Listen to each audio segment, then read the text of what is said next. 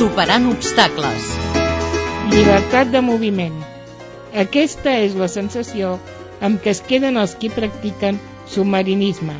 També les persones amb discapacitat que aquest diumenge 28 de setembre hauran participat de la quarta edició del submarinisme adaptat a Barcelona. El seu organitzador ens exposa els objectius. Albert Font.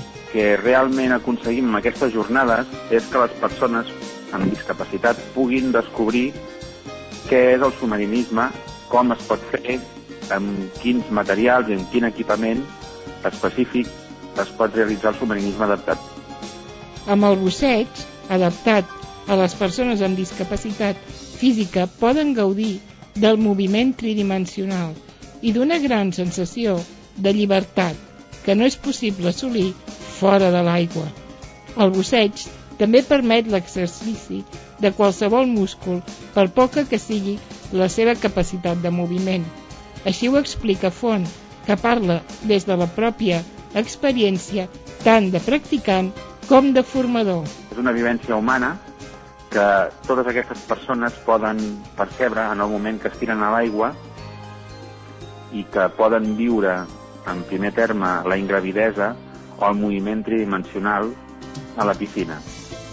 En aquesta edició hi estan inscrites vàries persones amb tetraplègia, paraplègia i altres tipus de discapacitat més lleu. En total, prop de 100 persones.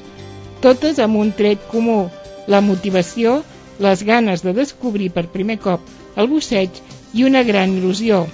Aquest 2008 hi ha una novetat. Albert Font ho explica.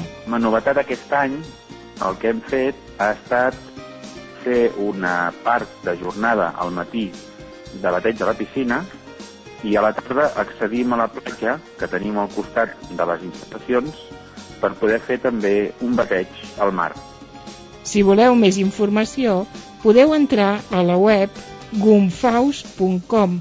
Trobareu experiències i propostes des d'aquest esport adaptat, perquè, com diu en aquesta pàgina, l'esport adaptat també és esport. Montse Pous, periodista.